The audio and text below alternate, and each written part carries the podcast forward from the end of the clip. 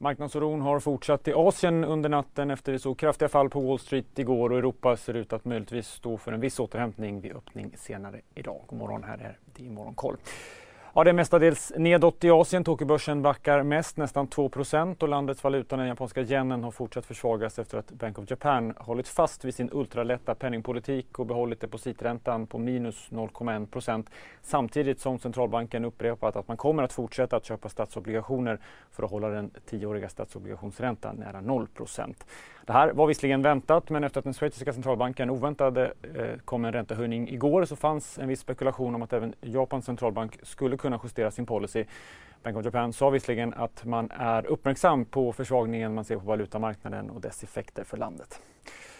Övriga asiatiska börser också nedåt, eh, men kring 1% Hongkongbörsen är till och med upp något. Wall Street som sagt kraftigt nedåt igår. S&P föll drygt 3% och tekniktunga Nasdaq 4 och flera av de stora techbolagen var ner däromkring. Mjukvarubolaget Adobe föll i efterhanden kring 5% efter sin rapport som innehöll någon svagare guidning framöver. Och tillverkaren Tesla föll ännu mer, närmare 9% efter att investmentbanken Jefferies skruvat ner prognoserna för försäljningen för hela elbilssektorn. Och från Tesla är steget numera inte så långt till Twitter. Elon Musk som är på väg att ta över Twitter deltog igår i ett internmöte för det sociala mediebolaget och sa bland annat att han övervägde en betalmodell för användare och hade en målsättning om att nå en miljard användare. USAs president Joe Biden sa i en intervju med nyhetsbyrån Hej, Synoptik här. Så här års är det extra viktigt att du skyddar dina ögon mot solens skadliga strålar. Därför får du just nu 50% på ett par solglasögon i din styrka när du köper glasögon hos oss på Synoptik. Boka tid och läs mer på synoptik.se. Välkommen!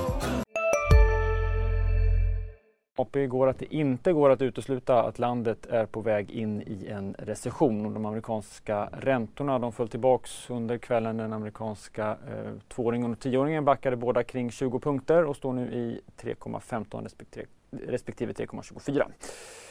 Här i Sverige kommer uppgifter om att betaltjänstbolaget Klarna överväger att ta in pengar till en betydligt lägre värdering än man haft tidigare. Enligt Wall Street Journals källor så söker Klarna en värdering kring 15 miljarder dollar att jämföra med 45 miljarder för ungefär ett år sedan.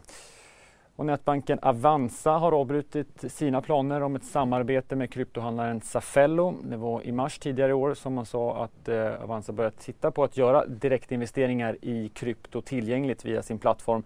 Sedan dess har priset på flera kryptovalutor eh, kraschat och den största kryptovalutan bitcoin har halverats sedan i mars och handlas nu på morgonen kring 20 000 dollar.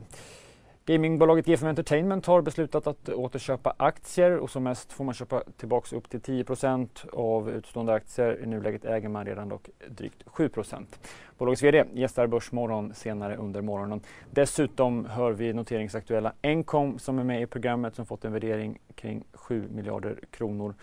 Och I övrigt idag så ser vi fram emot eh, definitiv inflationsdata för euroområdet för maj månad. Den kommer under förmiddagen. Och i eftermiddag får vi amerikansk industriproduktion och dessutom så kommer Fed-chefen John Powell hålla ett anförande om den amerikanska dollarn som stärks mycket på sistone men som faktiskt försvagats något under natten. Fler nyheter som vanligt på di.se.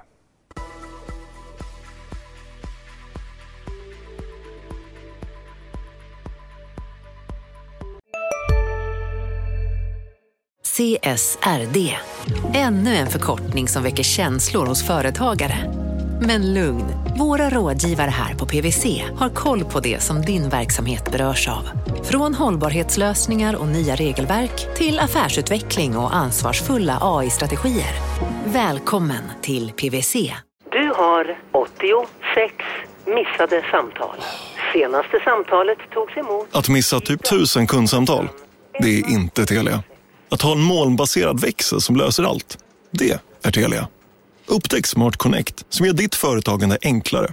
Läs mer på telia.se företag.